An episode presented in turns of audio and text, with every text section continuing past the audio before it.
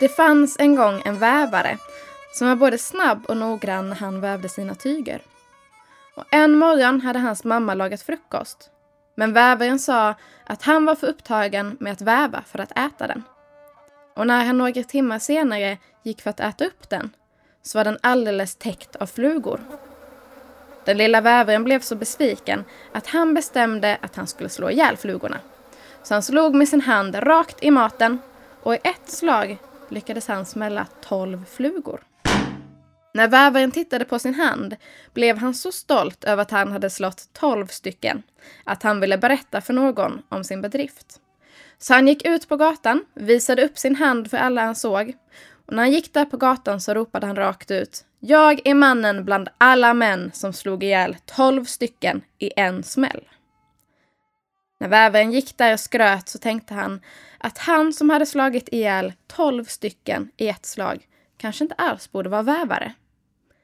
Han kanske borde vara riddare. Så vävaren gick runt till sina vänner och berättade om vad som hade hänt. Och så bad han om att få lite plåt. Kanske en gammal kastrull eller något gammalt metallskrot. Och när han hade samlat ihop tillräckligt med skrot så gick han till en skräddare och bad henne att sy en rustning till honom. När vävaren hade fått sin rustning och köpt sig en häst så red han ut i riket för att berätta om hur han slog ihjäl tolv stycken i ett slag. Och efter ett par veckor så hade ryktet om den oslagbara vävaren nått kungen. Och kungen blev väldigt intresserad av att träffa honom. Kungen hade haft problem med en stor drake den senaste tiden. Kungen förklarade att den här draken var kanske inte den farligaste draken de hade haft att göra med. Men han bodde i ett område med mycket kvicksand. Och kvicksanden, den var värre. Men vävaren sa att när jag dödade tolv stycken så var de också på en mjuk plats. Så att döda den här, det borde nog inte vara något problem. Och så blev vävaren genast ivägskickad för att ta hand om draken.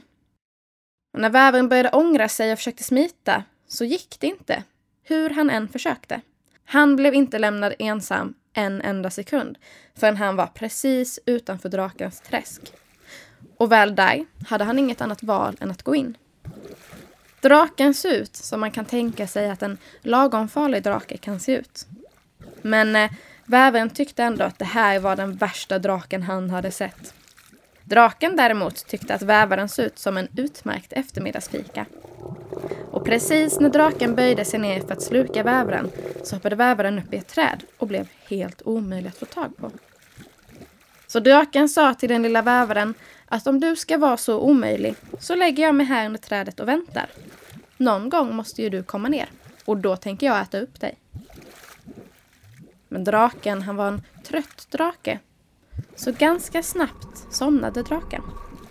Och vävaren bestämde sig för att han skulle försöka klättra ner.